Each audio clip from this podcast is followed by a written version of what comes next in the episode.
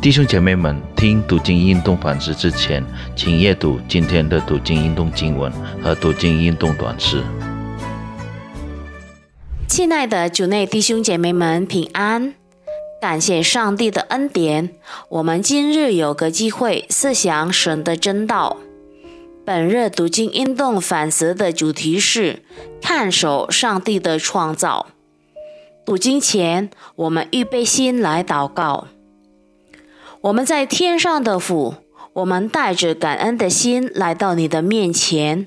此时，我们要阅读及思想你的话语。我们把接下来的时刻交给神的手中，请你带领我们，能够明白你所说的话，并且我们也能够实行一切。奉主耶稣基督的圣名，我们祈求祷告，阿门。主内弟兄姐妹们，我们今日读的经文来自于诗篇一百零四篇。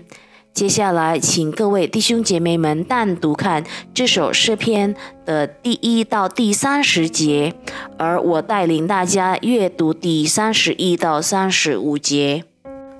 诗篇一百零四篇第三十一到三十五节如下。愿耶和华的荣耀存到永远。愿耶和华喜悦自己所造的。他看地，地便震动；他莫山，山就冒烟。我要一生向耶和华唱诗。我还活的时候，要向我神歌颂。愿他以我的默念为甘甜。我要应耶和华欢喜。愿罪人从世上消灭。愿恶人归于无有。我的心呐，要称颂耶和华，你们要赞美耶和华。我们读到此，亲爱的主内弟兄姐妹们，我们都知道谁创造了宇宙吗？当然是上帝。身为上帝自民的一员，我们应该相信上帝是创造及看守宇宙和万物的。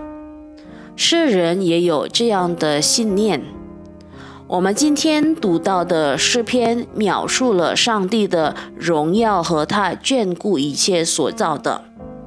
诗篇一百零四篇的第一到第五节以尊荣控制宇宙的上帝开始，接下来第六到第九节说到了上帝精确的安排各创造物的自身功能。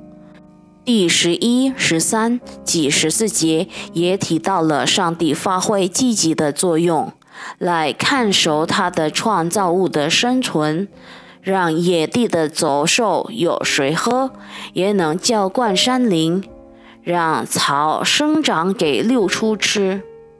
此外，第三十五节还提到了上帝惩罚罪人和恶人。弟兄姐妹们，请注意。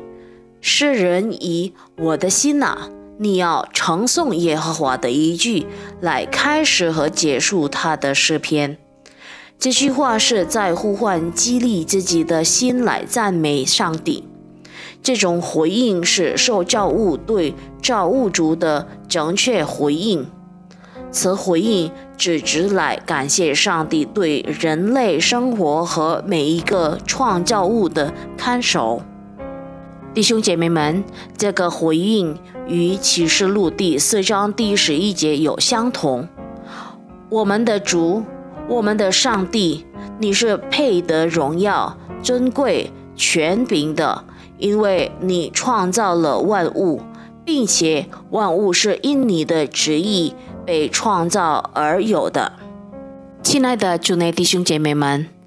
作为已被拯救上帝所造的人，我们梦召是来荣耀上帝。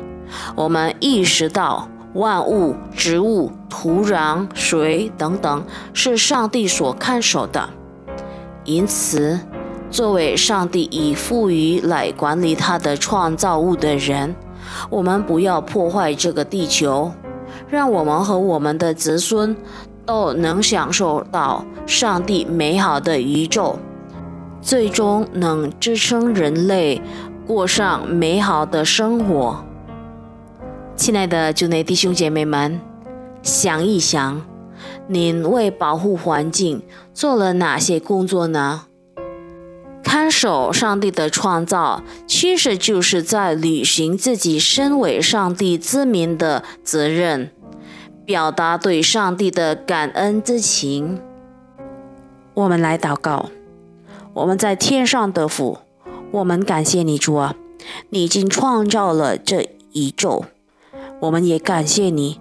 把所有的宇宙都交给我们的手中，好好管理。